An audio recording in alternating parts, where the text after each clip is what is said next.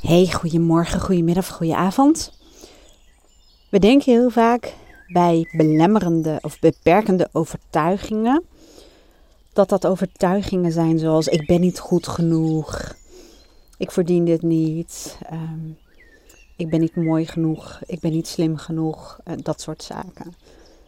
Maar beperkende overtuigingen of belemmerende overtuigingen, hoe je het eigenlijk ook wil noemen, zijn simpelweg gedachten die je heel veel hebt gehad, waardoor je het bent gaan geloven. Of dingen die je heel vaak hebt gehoord, waardoor je het bent gaan geloven. En uh, ze kunnen ogenschijnlijk ook heel praktisch van aard zijn. En je toch tegenhouden. En hoe kom je nou erachter wat je beperkende of belemmerende overtuigingen zijn? Of wat überhaupt overtuigingen zijn? Dat kan op veel verschillende manieren. En ik ga er in deze podcast uh, eigenlijk maar één geven. En dat is bewustzijn. Bewust van je eigen woorden. Van wat je jezelf hoort zeggen. Nou is dat sowieso iets wat enorm kan helpen. En dat is niet voor iedereen even makkelijk. De een kan dat gewoon makkelijker dan de ander. Uh, het is zeker ook trainbaar. Ik hoorde me net aan tafel met echt weer een superleuke klant. Uh, waarbij het ook grappig is dat zij uh, zo snel praat. Ik herken dat wel vanuit enthousiasme. En hoe mooi het is dat iemand weer naar huis gaat en zegt: Oh, ik heb echt een boost. En ik heb de zin om verder te gaan. En er is uh, echt weer vertrouwen. En eigenlijk heb ik alleen iets aangezet wat er al die tijd al was. En op een gegeven moment zaten we even na te praten. Ze bleef lunchen. Uh, want veel van mijn klanten die wonen wat verder weg. En uh, op een gegeven moment was ik een voorbeeld aan het aanhalen. Want ik coach ook veel startende, onder, of startende coaches, ja, ook startende ondernemers.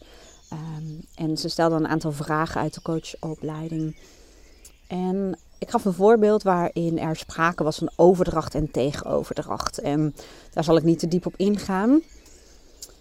Maar toen zei ik dat dat al geldt wanneer je bijvoorbeeld een training geeft aan een groep van uh, mannen. En uh, waarbij ik merk dat ik uh, in het, als ik daaraan denk, anders voor de groep sta dan wanneer ik dat met een groep doe van uh, mannen en vrouwen die bijvoorbeeld um, ZZP'er zijn of een Nederlandse onderneming of whatever. Versus een groep met allemaal mannen die bijvoorbeeld internationaal ondernemen en een groot bedrijf hebben dat er toch iets bij mij gebeurt. Dat er iets anders gebeurt. Ik zeg, dat is iets waar ik voordat ik zo'n training geef, dat moet ik ja, toch um, weggewerkt. Klinkt een beetje gek, maar dan ben ik dus niet bezig met de groep, maar dan ben ik dus meer bezig met mezelf. Dan is het bewustzijn naar mij gericht. Op het moment dat ik me ervan bewust ben dat, um, dat ik me druk ga maken of ik het wel goed genoeg doe, dan gaat het al niet meer over wat ik die groep kan bieden. Want dan, nogmaals, daar moet ik wat mee. Dus ik was aan het uitleggen en op een gegeven moment um, hoorde ik mezelf een zin zeggen. En we werden er allebei even stil van.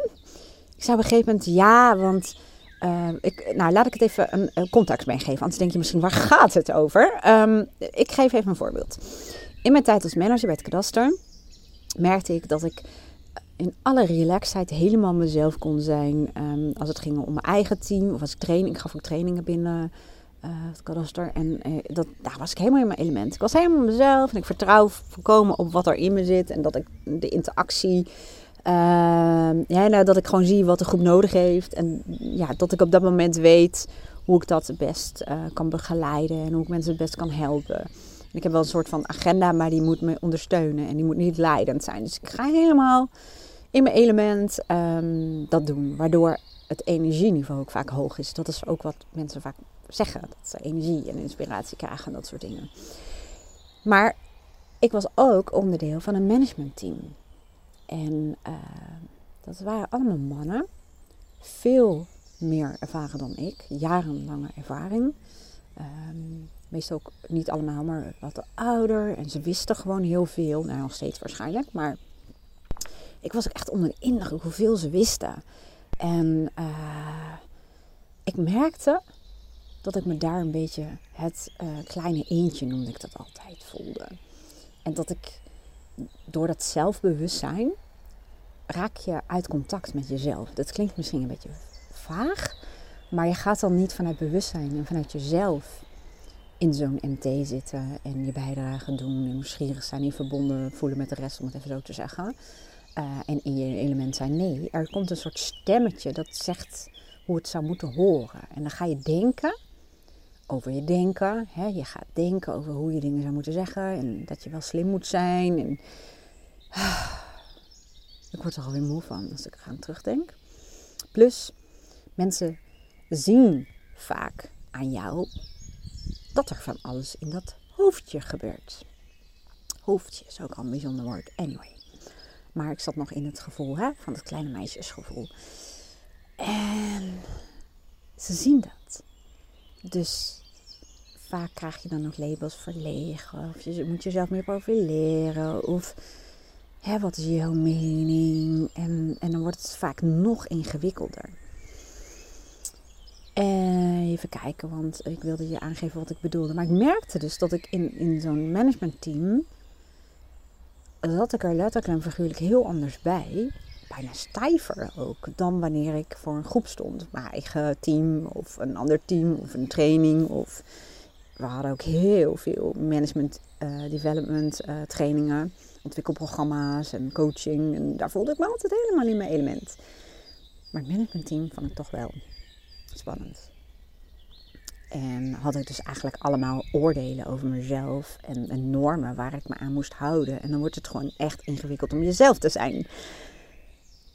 En om even twee linkjes te leggen. Het eerste linkje, ik zal zo meteen vertellen hoe ik dat als het ware heb getransformeerd. Maar als uh, eerste eventjes um, waar dit ook over ging, dat zinnetje wat ik mezelf hoorde zeggen. Hè, dan hebben we het over een overtuiging. Ik was het aan het terugvertellen en toen zei ik op een gegeven moment, ja, uh, zoiets, ik weet al niet meer letterlijk wat ik zei, maar in ieder geval wel zoiets van, ja, dat ik ondanks dat ik een vrouw ben, we keken elkaar aan. Deze vrouw is de startende coach. Hè? Ze zit in een opleiding, um, hoog bewustzijnsniveau. En ze zat ook eventjes te spelen met mijn zin. Ze zei, hoe zou het zijn als je zou zeggen, juist omdat je een vrouw bent. Maar alleen het feit dat ik zei, ondanks dat ik een vrouw ben, had ik toch een hele goede bijdrage. Ai, ai, ai, ai, ai. Sorry, alle vrouwelijke podcastluisteraars. I'm so sorry. Uh, dat.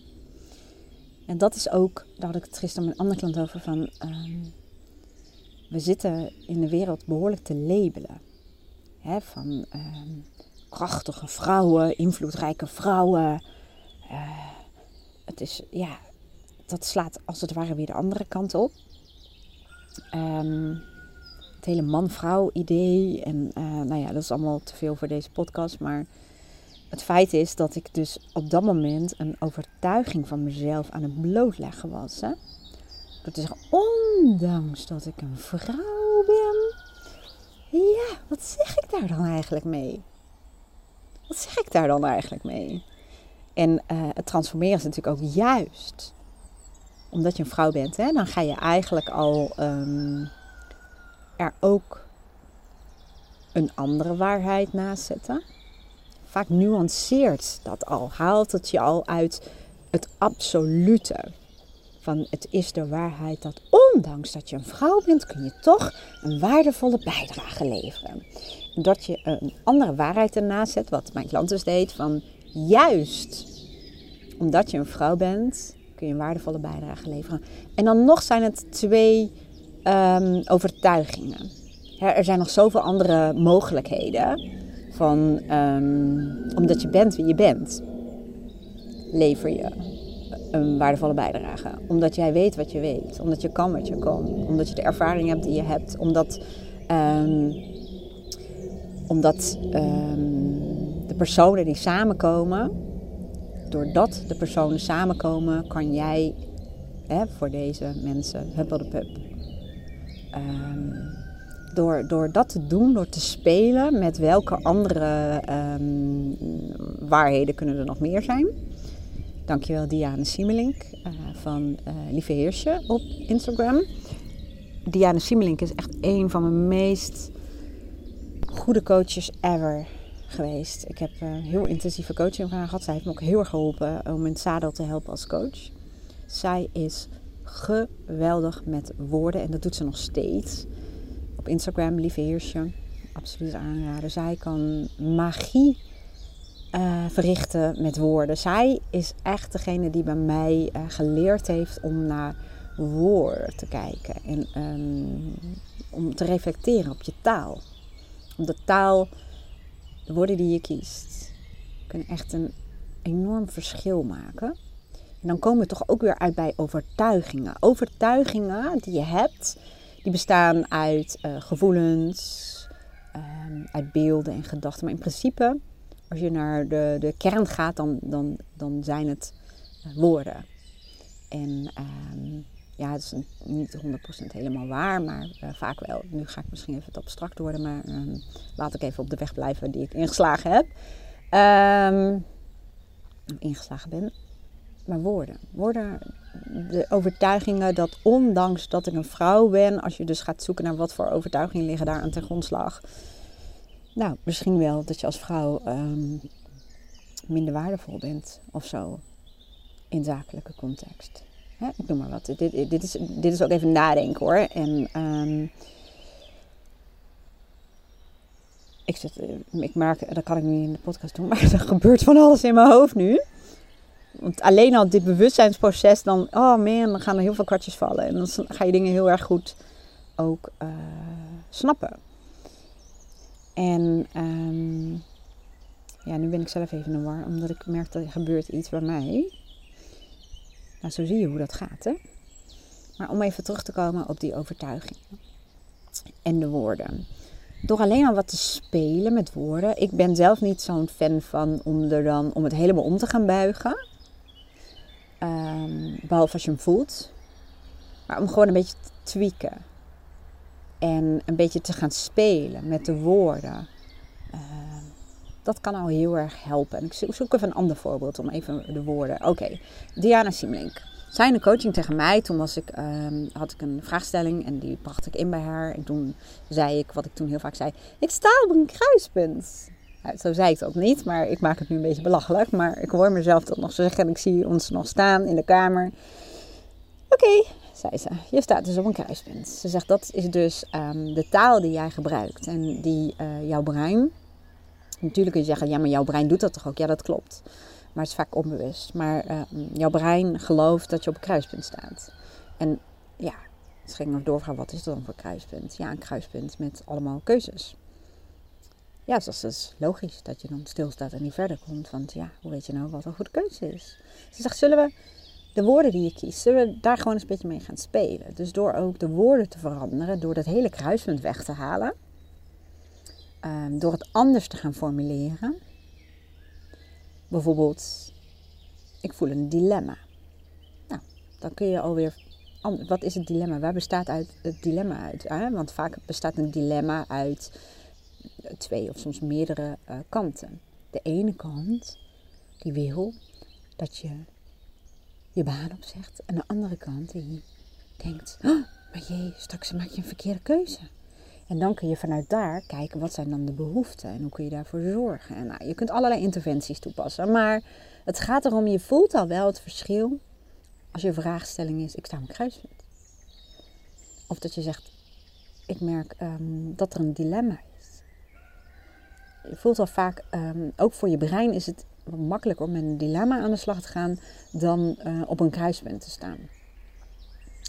Um, ook door bijvoorbeeld, mijn overtuiging was, en die is niet zoals ik hem nu zeg, omdat, omdat ik weet het al niet eens meer, omdat het wel eentje is die, eh, waar ik uh, wat mee heb gedaan. Maar bijvoorbeeld, ik ben maar een meisje. Dat was ooit mijn overtuiging. Volgens mij dat de zin iets anders in elkaar, maakt niet uit. Ik ben maar een meisje.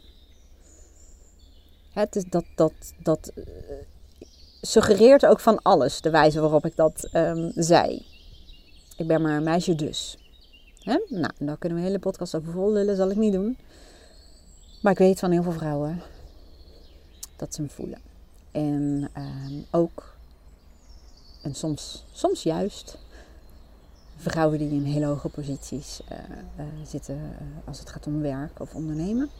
Is ook een mooi boek over, syndrome, ik weet niet of je dat kent. Um, Fuck de onzekerheid heet dat. Ik heb les, bij het klas hebben wij lessen van haar gehad. Ik ben alleen even naam kwijt. Maar goed, um, daar ging ik niet over. Ik ben maar een meisje dus. Door, um, door met je woorden te spelen. Door bijvoorbeeld het woordje maar eruit te halen. Ik ben een meisje. En dan kun je ook kijken, meisje. Mm, nee, ik ben een vrouw. Ik ben een volwassen vrouw. Ik ben een vrouw. Door met woorden te spelen en meer naar de feiten te kijken. En door daarmee te spelen zul je al merken dat er, ja nou, nou klink ik wel heel metaforisch, maar dan zit er al wat beweging in je overtuiging. en dan zou je kunnen zeggen, oké, ik ben dus een vrouw en er zijn ook mannen. het klinkt raar, hè? Maar toch, um, je gaat er wat feitelijker naar kijken. Want eigenlijk wat je aan het doen was, wat ik aan het doen was, ik koppelde, ik had associaties bij um, het feit dat ik een vrouw ben. En um, door al te gaan zitten spelen met een meisje naar een vrouw, en dat is ook wat het werkelijk is. en door bijvoorbeeld te zeggen, maar ik weet wel, ik voel wel dat er een deel in mij ze noemen dat vanuit Voice Dialogue ook je innerlijke uh, kwetsbare kind bijvoorbeeld. Dat een deel van mij um, in mij zit. En dat noemen ze dan vaak je kleine meisje, of je kwetsbare kind. En door daar, ik, ik weet van het Voice Dialogue dat dat deel, wat we allemaal in ons hebben, of je nou een, jongen of een meisje of een man of een vrouw bent, we hebben allemaal een innerlijk kwetsbaar kind in ons, volgens de psychologie van uh, Voice Dialogue. En daar kun je ook weer allerlei associaties bij hebben. Een kwetsbaar kind. Of het gekwetste kind noemen ze het ook wel eens. Daar kun je associaties bij hebben als, als in uh, zwak. Um, daar moet voor gezorgd worden. Um, dat kan het niet alleen. Dat heeft hulp nodig. Dat zou eens moeten opgroeien. Daar zit vaak die hele overtuiging aan vast. Maar ik weet vanuit Voice Dialogue dat het innerlijke gekwetste kind of het innerlijke kwetsbare kind een enorme kracht is. Want ik zeg ook altijd: kwetsbaarheid is simpelweg echtheid. Het is echt, het is puur. Vaak maken we verbinding met de ander vanuit ons innerlijke kwetsbare kindsdeel. Dat is puur. Het is puur. Het is maskerloos. Net als contact maken met dieren, doe je heel vaak ook vanuit het innerlijke kindsdeel. En we hebben de drie innerlijke kinderen, daar kom ik zo meteen even op terug. Ja joh, het is heel gezellig in jou. Um, maar um, Brown, van, um, ik noem haar altijd de professor in de kwetsbaarheidkunde. Uh, ik weet al niet eens meer of ze psycholoog is of whatever, maar zij heeft er heel veel over geschreven en een fantastische mooie documentaire op Netflix staan. Kwetsbaarheid is gewoon echtheid. Daar vertelt zij ook over. Op basis daarvan maak je vaak uh, verbinding. En um, ik begon dat in het MT ook te doen. En ik noemde dat ondertitelen. Dat heb ik ook van Diana genoemd. Dat ze zei, ondertitel maar gewoon wat er gebeurt in jouw hoofd. Daarmee maak je verbinding. En daarmee weten ook mensen wat er in jouw hoofd omgaat. En dan voel je weer meer verbonden. En je kunt uiten wat er in jou zit. Want dat is wat je wilt doen. En dan voel je vaak ook weer de betekenis. Dus wat ben ik gaan doen? Gaan ondertitelen. En dan zei ik bijvoorbeeld dingen als... Ik ben jullie even kwijt. Of wacht even. Ik hoor jou vertellen over klantsignaalmanagement. En dan geef je aan dat dat en dat en dat daarbij hoort. Maar jij zegt dat. Dus ik ben even uh, verward. Ik begrijp het even niet. Wat bedoel jij dan eigenlijk met hubbel de pubbel de pup? Um, daarmee geef je aan dat je niet verder komt omdat ik informatie miste. Ik heb ook aangegeven hoe het in mijn hoofd werkt. En dat vaak mijn brein alle kanten op schiet. Waardoor ik soms heel erg anders ben dan waar zij zijn. Um, dat ik heel veel associaties daarbij heb. Maar dat ik ook heel vaak uh, gewoon simpelweg niet begrijp. Ik hoor allerlei woorden, maar ik begrijp het niet. Maar door, daar, door dat te delen, door daar vragen over te gaan stellen, merkte je ook dat je daar op een gegeven moment van toegevoegde waarde mee werd. Doordat je daardoor ook vaak uh, ja, een bewustzijn uh, verkreeg. Want heel vaak zag ik bijvoorbeeld gebeuren: oh, oké, oh, ik, ja, nee, voor mij betekent dit en dit dat. Oh, nee, nee, voor mij is het dat. En dat is heel vaak zichtbaar, oh, we praten wel met elkaar. Of we hebben, we, nou ja, er zijn woorden. Maar blijkbaar lijkt het alsof we op dezelfde golflengte zitten, maar dat blijkt helemaal niet zo te zijn. En dan merk je ook vaak dat, dat je hele vergadering kunt hebben waarbij het lijkt alsof je elkaar allemaal hartstikke goed begrijpt. En toch gaat er ergens in het proces iets mis. En dat bedoel ik vaak in de uitvoeringen. En dan volgende vergadering, dan, ja, nou, dan is het toch niet helemaal helder geweest. En doordat ik ging ondertitelen en dus eigenlijk ook verbinding maakte met mijn innerlijke kwetsbare kind. Want kwetsbaarheid is echtheid. Hè. Ik ging echt vertellen wat echt in mij omging en wat er gebeurde. Merkte ik ook dat ik me gewoon heel erg verbonden ging voelen. En dat ik gewoon een super goede band met iedereen los had, zeg maar. Dus als individu, dus één op één. Maar ook met het team. En dat, um, dan kom je in je element. En met je in je element komen bedoel ik eigenlijk gewoon, dan ben je wie je bent. En dan van nature uh, doe je dat waar je goed in bent. En daarmee maak je vaak verschil. Omdat je bent wie je bent en doet wat je doet. En kan wat je kan en weet wat je weet. En, ja, en hoe meer je vanuit natuur uh, dat doet, hoe makkelijker, ja, hoe, ja hoe, nogmaals, hoe betekenisvoller het ook vaak voor jezelf wordt. Allemaal containerbegrippen, ah ja, ik realiseer me dat, maar um, dat is het wel wat het is. En nou zit ik even te denken, want um, nou heb ik toch die twee linkjes uh, gedeeld, hè, wat ik zei. Maar ik was nog ergens hiervoor en ik zat nog iets te vertellen over. Dit is ook ondertitelen. Ik zat nog iets te vertellen. In mijn hoofd is er nu een error. Omdat ik dacht, ik ging van een bepaald onderwerp ergens anders heen. Wat ik ook had beloofd in het begin van de podcast. Maar ik ben dus nu mezelf even kwijt. Mijn verhaal. Hmm. Ja, dat is ook delen.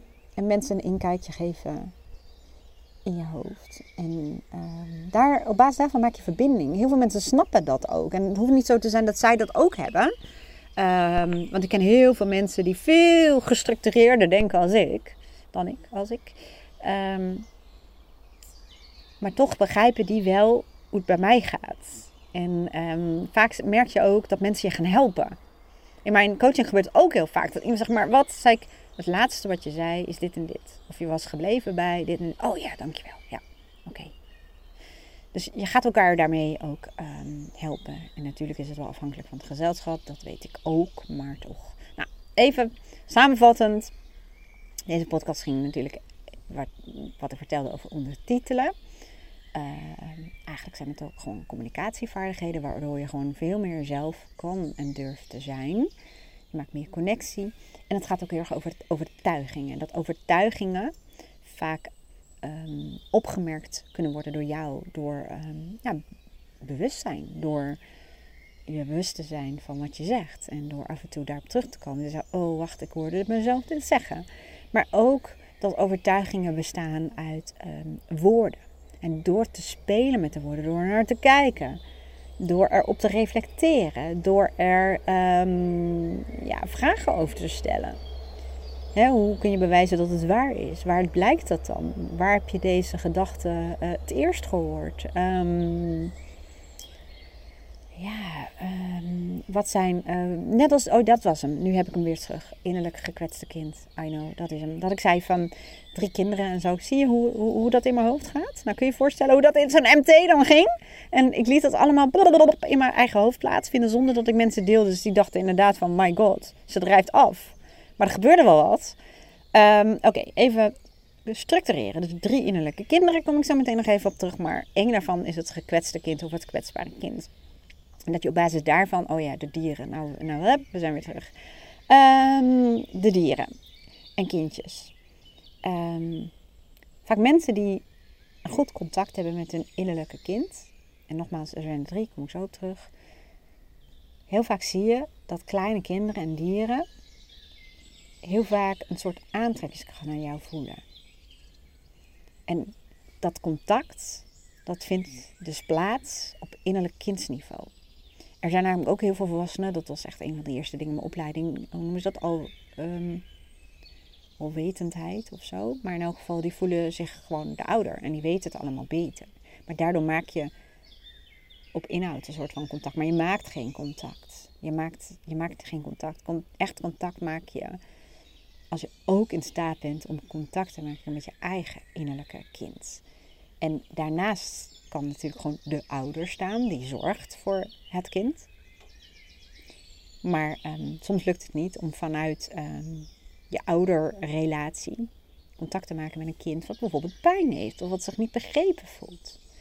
En dat geldt ook met dieren, daar merk je het eigenlijk ook. Nou, ik ga nog even verder uh, over die drie innerlijke kinderen. En dan uh, refereer ik aan uh, Voice Dialogue, hè, de, de, psychologie van Voice Dialogue. Bij Voice Dialogue zeggen ze, je hebt drie innerlijke kinderen. Het is dus ook niet het doel dat die innerlijke kinderen opgroeien. Want dat is vaak wat we denken. Of dat we er overheen moeten komen. Of dat de schade opgelost moet worden. Nee, we beginnen bij het innerlijke gekwetste of innerlijke kwetsbare kind. Ik zag heel vaak daar, dat is het deel van jou waar ook pijn en trauma, verdriet, schaamte, afwijzing heel vaak aan verbonden is. Het is echtheid. Het is eigenlijk de reden waarom al die delen in onszelf ontstaan zijn. Die zijn allemaal ontstaan als een soort psychische bodyguards om dat kwetsbare kindsdeel te beschermen. En dat is ook maar goed ook. Want als wij als baby um, ja, zomaar de wereld in zouden hobbelen met onze blote billetjes en, uh, en niemand zou voor ons zorgen, dat wordt hem niet. Hè? Dus die um, maskers, noem ik het dan ook maar even, die psychische bodyguards, die zijn ontstaan om dat innerlijke kindstil te beschermen. En dat gaat al heel vroeg. Bijvoorbeeld een babytje die merkt dat als het lacht, dat het geknuffeld wordt. Dat is al het ontstaan van een psychische bodyguard.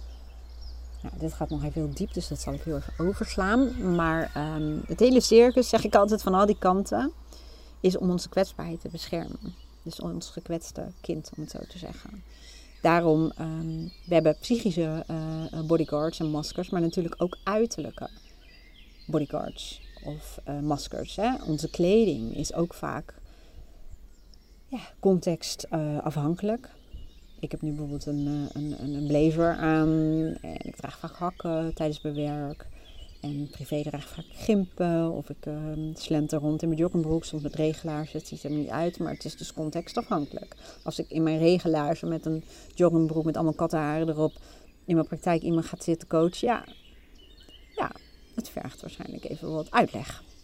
Um, dus het kan ook zeker wel functioneel zijn, maar ook uh, dat we ons opmaken. Hè? Vrouwen niet allemaal, maar is ook een soort van masker. Um, ja, nou ja, kleding is los van het feit dat het gewoon vaak warmer is, maar is het ook een soort beschermlaag, om het even zo te zeggen. En dat hebben we psychisch ook. Maar laten we even naar het volgende innerlijke kind gaan. Dat is het speelse kind. Het speelse kind, ik zeg vaak, het speelse kind in mij um, wordt vaak getriggerd. En vaak ook geholpen door mijn rebelse kant. Dat is, weer, dat is niet een kindsdeel hoor, maar dat is wel een kant die me vaak helpt om dat speelse kind in mij um, ruimte te geven. Het speelse kind in mij, wanneer je die ziet, als ik hier aan het slagballen ben, of we gaan wel eens in de tuin uh, golven. Ik zeg altijd golven, maar het is eigenlijk golven. Hè? Golven. Um, als ik, um, je hoort aan het rennen, aan het voetballen ben. Als ik gewoon lekker kinderachtig bezig ben, want dat kan ik namelijk heel erg goed. En als we in een speeltuin zijn, dan, moet ik schommelen of wipwappen of um, ja, dan komt dat innerlijke kind uh, naar boven. Het spelen, het, het, het, het, als, als we bijvoorbeeld een verjaardag hebben. Ik hou ervan om gewoon lekker buiten te zijn. Dat iedereen zijn ding doet. De een zit, die praat met elkaar. De ander is aan het voetballen. En meestal ben ik dan ook aan het voetballen. Ik ben in beweging. Als ik in beweging ben, zelfs als we wandelen, dan is het innerlijke speelse kind vaak mee. Behalve als we hele serieuze zaken bespreken. Als mijn innerlijke kinddeel mee is, dan ben ik echt ook zo uh, idioot, zeg mijn innerlijke criticus, maar wel met een lach. Dat ik door de plassen heen moet, wat niet altijd goed gaat, maar dat vindt het speelse kind ook helemaal geen probleem. Um, wat net even een ander weggetje wil kiezen dan het weggetje wat eigenlijk een weggetje is. Uh, wat soms gaat zingen. Terwijl, terwijl, ja, ik zou niet zeggen dat ik nou uh, meteen uh, het Eurovisie Songfestival zou kunnen winnen. Ik denk dat heel Nederland van de kaart geveegd was als ik daar ga staan. Maar ik doe het dan wel. Dat doet mijn speeltekind, want die heeft daar een soort van scheid aan. Um, ik doe ook heel vaak stemmetjes niet, niet eh, in, in het openbaar, maar wel thuis. En uh, dat is ook mijn innerlijke speelse kind. Die is vrolijk en blij en die, uh, die, die, die wil, ja, die staat ook voor mijn avontuurlijke kant. Je ziet ook vaak dat die wel bij elkaar soort horen. En die zorgt voor wat speelsigheid, letterlijk en figuurlijk. En soms vraag ik ook wel eens, bij wijze van spreken, dat klinkt misschien een beetje gek, maar van... Als ik heel erg in mijn serieuze grote mensigheid zit, van wat zou mijn innerlijke speelse kind nu tegen me willen zeggen? Hoe zou die er naar kijken? Of wat zou die nu willen doen? En dat brengt luchtigheid met zich mee. Dan hebben we ook nog het magische kind. Nou, die heb ik absoluut vol in mijn bus zitten. Uh, maar die wordt soms ook aan de kant geduwd hoor, door um, het, serieuze, uh, de serieuze kant, de pusher. Um, de verantwoordelijke kanten, de realistische kanten. Nou, noem het allemaal maar op. Niet kanten, maar realistische kanten. Nou, de, dat. Um, maar het magische kind, ik hou vaak Steve Jobs aan als voorbeeld. Um, die moet gewoon een goed contact hebben gehad met zijn innerlijke magische kind, omdat hij dingen voor zich zag die anderen niet konden zien. Uh, die, ja, een magische kind is vaak ook betrokken bij innovaties. Uh, ze moet het ook wel vrij denken um, autonoom denken, uh, brainstormen. Uh, die ziet mogelijkheden, kansen, die, ziet, die, die kan dingen voor zich zien die er nog niet zijn. Of een samenstelling van bestaande dingen dat, tot iets nieuws te maken. Um, het magische kind, het gelooft, het hoopt, het vertrouwt. Het, het, het magische kind is vaak onderdeel van um, het proces waarin ik me, met mensen uh, de droomvraag doe. Om te kijken, wat is nou werkelijk echt vanuit je hart en je ziel, zullen we maar zeggen jouw ideale leven. Wie ben je? Wat doe je? Met wie ben je? En uh, nou, nog heel veel andere dingen. En ik moet dan vaak het magische kinddeel trekken. Want anders krijg je vaak het, de realist die um, probeert te dromen. Maar het is gewoon niet zijn afdeling. Het magische kind kan het wel. Magische kinderen zie je ook echt vaak in kindjes. Dat ze helemaal op kunnen gaan in het bouwen van een zandkasteel. Of whatever wat ze aan het doen zijn. Ze kunnen er opgaan. En als je ze vraagt, bij wijze van spreken, wat ze willen worden als ze later groot zijn. Ik vind het trouwens een kutvraag, maar goed, dat even terzijde. Um, ik vind het ook namelijk heel, dat is ook mijn magisch. Mijn magische kind zegt, weet je, jij weet ook helemaal niet wat je wil worden als je later groot bent. Maar misschien wil je wel drie carrières in je leven. Ik noem maar even wat. Dat is het magische kind, wat ook even in deze podcast um, aanwezig is. Het magische kind, dat, ja, dat zou bijvoorbeeld een klein kind zou kunnen zeggen: Ik word later astronaut. En dan ga ik uh, op Mars wonen. Of ik ontdek een andere planeet. Of nou, wat dan ook. En vaak zie je dat dat magische kind met alle goede bedoelingen vaak um, de mond wordt gesnoerd door, ja, dat is niet realistisch. Dat is wel heel moeilijk hoor. Want er zijn maar weinig die dat kunnen. En ja, dan moet je een heel um, ja, traject door. En er blijven er maar een paar over. En uh, nou ja, hè, nou, ik overdrijf, hè, maar soms helpt dat om het een beetje uit te vergroten. Um, het magische kind. Um, ja, ik zit er een ander voorbeeld. Elon Musk uh, ja, in mijn ogen, ook al doet hij misschien dingen waarvan ik ook wel denk, hmm, maar het is wel in mijn ogen een briljante geest. Ik vind hem heel inspirerend. En um, Einstein ook. Vaak zie je dat um, de denkers en dromers zijn vaak samen, dromers en denkers, die hebben ook vaak heel goed contact met hun innerlijke magische kind. Die hebben vaak ook um, sterke denkkanten. En dat is een briljante samenwerking. Dat je kunt dromen, maar ook kunt doen. En kunt plannen en kunt vormgeven. En kunt zorgen dat het, dat het werkelijkheid wordt. Of dat je in ieder weet wie of wat jou kan helpen om dat tot uiting te brengen. Want anders, um, alleen aan het magische kind, zonder dat er andere kanten zijn die ehm, daarbij helpen, heb je op zichzelf niet zo heel veel. Sterker nog, um, Saskia Klaassen, dat is een expert op het gebied van hoogsensitiviteit en high sensation seekers, die vertelde het zo mooi. Zij zei bij veel high sensation seekers, um, high sensation seeker, dat is eigenlijk een ook een hoogsensitief um, persoon. Of ik, hou, ik praat liever in een persoon met een hoogsensitief brein. Diepgaande prikkels uh, verwerken, uh, sensitief voor allerlei nuances die andere mensen vaak ontgaan. Nou, ik ga dat hele lijstje niet opzommen, maar in elk geval, hij sensation seeker is vaak een kant die, of uh, sorry, een, een brein dat heel veel prikkels nodig heeft, dat continu de balans aan het zoeken is tussen onderprikkeling versus overprikkeling. Uh, dat moet gevoed worden, moet geprikkeld worden, uitgedaagd. Die leeft soms op het randje. Um, dat is meer het profiel wat bij mij past, om het zo te zeggen. En wat was ook weer de reden, hoe kwam ik hierbij? Oh ja, het magische kind. Um, een high sensation seeker heeft vaak ook, trouwens net wel als een ho hoogsensitief persoon, een hele innerlijke, intense belevingswereld.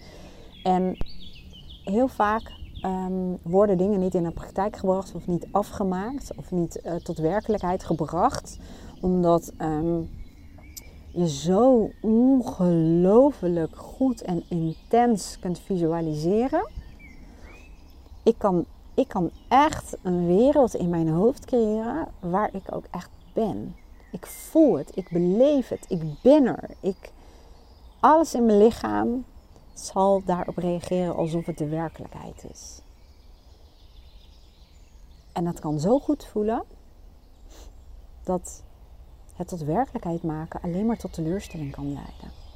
Dat er heel veel van dat soort intense dromen zo mooi en krachtig zijn dat er een soort angst zit, een soort beschermingsmechanisme, blokkade, hoe je het wil noemen, dat je er ook echt mee aan de slag gaat. Omdat je gewoon, ja, desillusie, hoe noemen ze dat? Gedesillusioneerd wordt of dat je teleurgesteld raakt. En dat is dus het nadeel als je dat magische kind um, in jou hebt.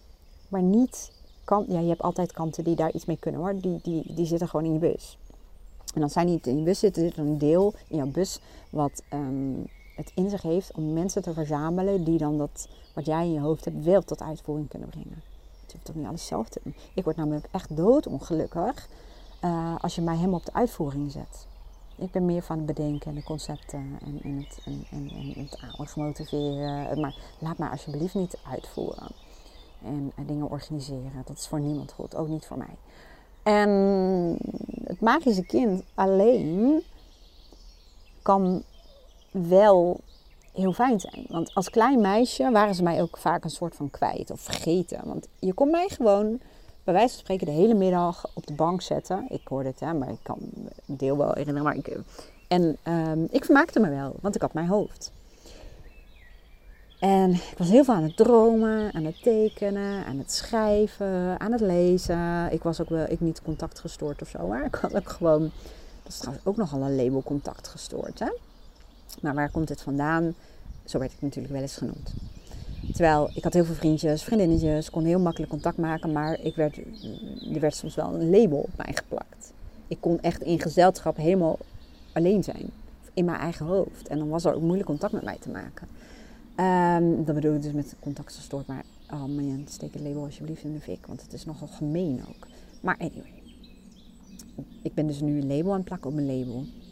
Contact gestoord is gemeen, dus ik plak het label gemeen op dat ene. Nou, dat gebeurt er dus inderdaad in je hoofd. Maakt niet uit, maar uh, magische kind. Uh,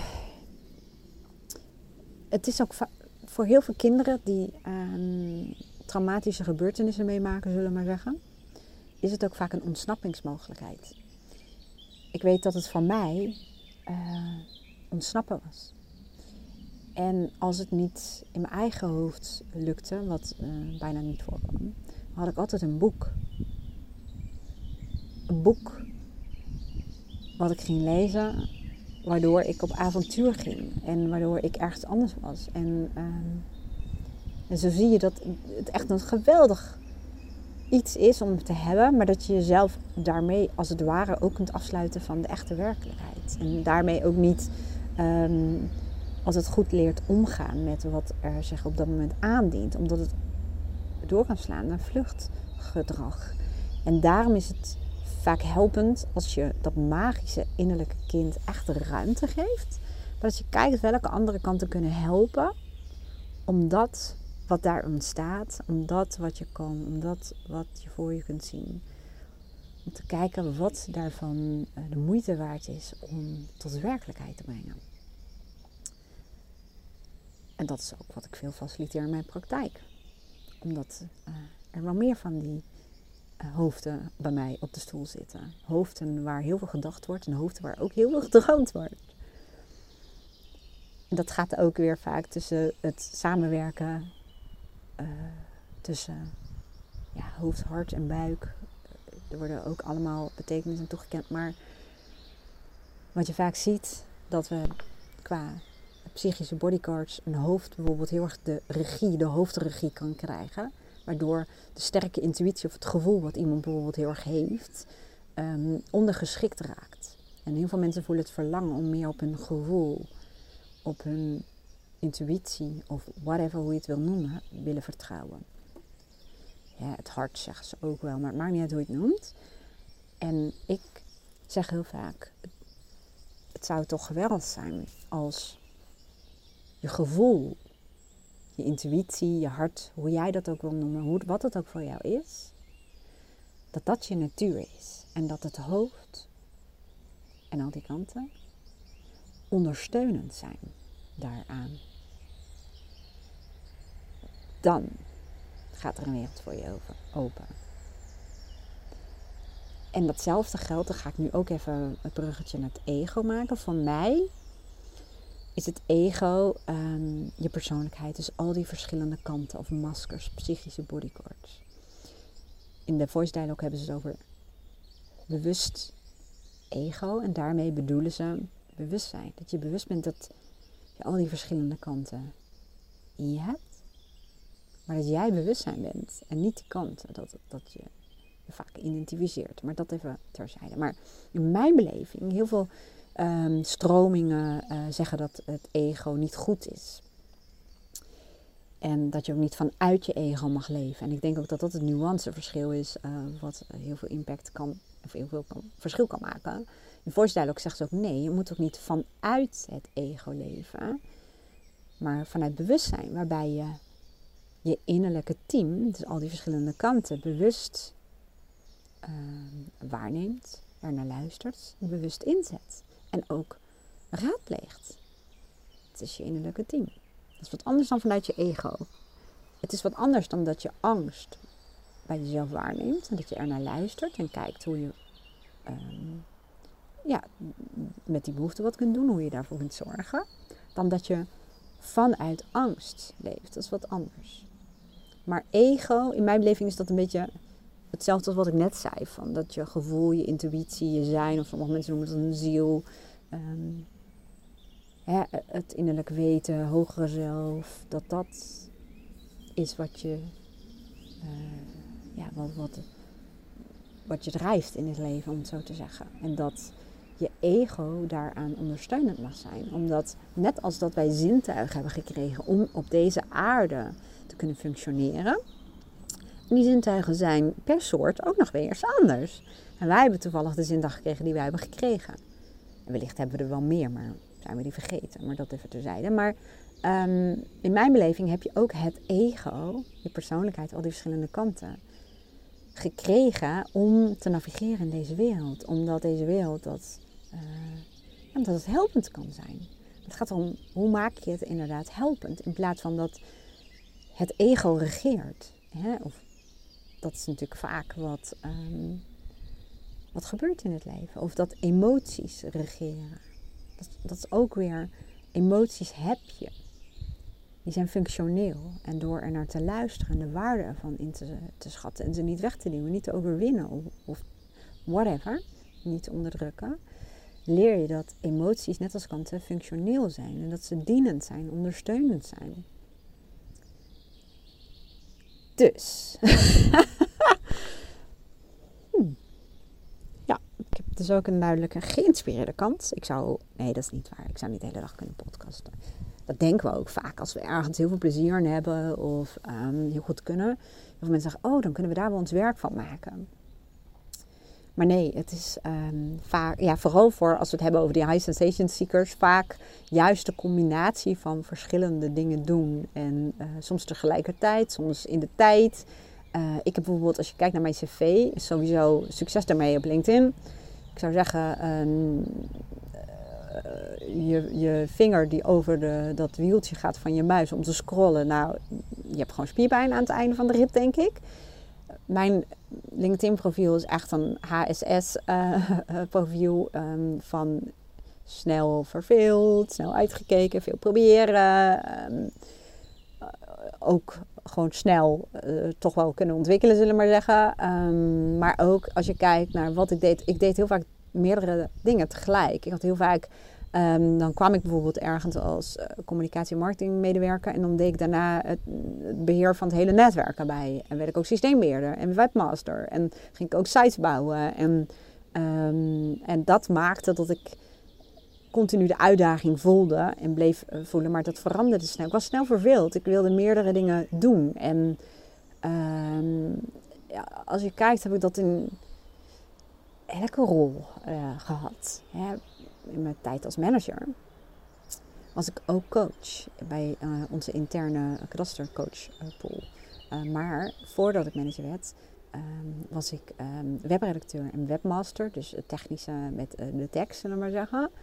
Um, en was ik ook zelfstandige. Werkte ik ook heel veel voor een internetbureau en zelfstandige opdrachten, copywriting, marketingadvies, mensen helpen met visie, missie, um, salespagina's schrijven, um, hele websites bouwen en schrijven, um, visiesessies, strategiesessies. Uh, heel veel dingen ernaast, omdat ik merkte dat het is een hele grote organisatie met heel veel mogelijkheden en, en je kunt heel veel leren. Alleen ja, vaak hoe groter de organisatie, hoe minder slagvaardig. En hoe langer bepaalde dingen duren. Of hoe meer je soms een onderdeeltje bent van een proces en niet meer verbonden bent met het eindresultaat. En ik merkte toen ook, dat heb ik nodig. Ik moet dat hebben. Ik moet snelheid hebben. Ik moet innoveren. Ik moet kunnen experimenteren, proberen. Maar je kunt natuurlijk moeilijk een kadasterwebsite um, de ene dag zus, de andere dag zo, AB-testing. En dat moet nog uitgedacht worden, verschillende afdelingen, moet mee overlegd worden en nou, noem het maar op. En dat was voor mij een impuls om te zeggen: ik ga uh, daarnaast um, ook voor mezelf werken. Wel in, in afstemming met het kadaster, maar wel, ja, dat moet ik doen. Ik moet die snelheid, ik moet die beweging, ik moet die interactie, ik moet proberen. Trial and error, ik moet meedenken, ik moet het resultaat kunnen zien. Um, want dat is in mijn beleving ook online. Online is niet vast. Online is trial and error. Online is um, spelen, is fine-tunen. En uh, dat zie je vaak ook in high sensation seekers. Dat uh, ja, die uitdaging, die mentale uitdaging, die beweging, verschillende dingen, um, dat dat ergens samen moet komen. En ik weet niet meer waarom ik hier opkwam. Um, maar dat maakt ook niet uit. Als je het niet interessant was, vond, dan was je hier waarschijnlijk ook niet meer. Dus dat. Nou, Oh ja, ik zei dat ik heel erg geïnspireerd werd. Dus, uh, oh ja, dat was het. En dat ik zei van, ja, ik zou de hele dag wel kunnen podcasten. Nee, dat zou ik niet de hele dag kunnen doen. Ten eerste haal ik inspiratie uit mijn eigen ontwikkelproces, maar ook, vooral ook uit um, de gesprekken met mijn klanten. En um, de begeleiding die ik geef aan mensen die uh, tools gebruiken in mijn academy, om zo te zeggen. Um, ja, want waar kan ik anders dan nog over podcasten? Ja, nou ja, dat er gisteren een ooievaar uh, over ons heen vlieg, vloog. En ons is uh, mijn klant en ik. En uh, dat we daar wel een idee over hadden. Wat ging die ooievaar daar doen? De hele tijd heen en weer vliegen. Maar ik denk dat heel veel podcastluisteraars dan verhuizen. ja, dat. Nou, je ziet, ik dwaal af. En dat is ook wat het is. Maar ik wil jou in ieder geval weer heel erg bedanken voor het luisteren. Ik vind het leuk om wat van je te horen. En uh, weet ook, ik krijg heel veel berichtjes. En ik kan echt, ik, ik zou het met alle beste bedoelingen van de wereld heel graag allemaal persoonlijk willen beantwoorden. Maar ten eerste is dat niet mijn kwaliteit om heel gestructureerd dat allemaal uh, netjes te doen. En ik raak ook heel vaak overweldigd. En dan ga ik je toch vragen van, oh, laat we wat van je horen. Dus het lijkt nogal tegenstrijdig, maar, strijdig, maar ik vind het wel heel superleuk om te horen wat voor inzichten jullie hebben. En weet ook dat jullie uh, berichtjes en reacties mij vaak ook weer voorzien van input voor volgende uh, podcasts. En, hè, omdat ik vaak dan denk, oh, dus daar, dat is wat, wat het oproept. Daar kan ik ook wel wat mee. Blijf het doen. En als je mij een plezier wil doen, uh, doe het openbaar. en daarmee bedoel ik niet het hele verhaal wat je soms aan mij meegeeft, maar Um, laat eens een review achter op Spotify of iTunes of uh, Google. Uh, kun je ook reviews geven. Dat helpt mij, omdat um, dat waarschijnlijk echt wel een ego-dingetje is. Dat realiseer ik me heel erg. Maar ik vind het nogal kicken als ik Chargeable um, uh, open en zie dat ik weer op een hoge positie beland ben in de Nederlandse top zoveel. Um, dat is mijn ego, die vindt dat gewoon echt enorm kicken. En die kijkt naar die grafietjes en die vindt het gewoon erg cool. Um, maar ook weet ik gewoon daardoor, um, ja, krijg je natuurlijk steeds groter bereik. Er zijn er steeds meer mensen die jouw podcast gaan vinden en die daarmee geholpen zijn. Dus, nou ja, dat. En, maar dat kan ik niet alleen, daar heb ik jullie voor nodig. Het helpt al dat jullie mijn podcast luisteren, want dat zien ze natuurlijk ook in de statistieken. Het helpt ook als jullie uh, de moeite willen nemen om bijvoorbeeld even een aantal sterretjes aan te tikken die jij mijn podcast waard vindt. Of dat nou een 1 is of een 5 is. Um, en um, misschien even aan te geven wat voor inzichten je krijgt en uh, wat je hebt aan mijn podcast. Dus als je dat wil doen, dank je wel daarvoor. Ik wens je een hele mooie dag en heel graag tot de volgende podcast. Doei!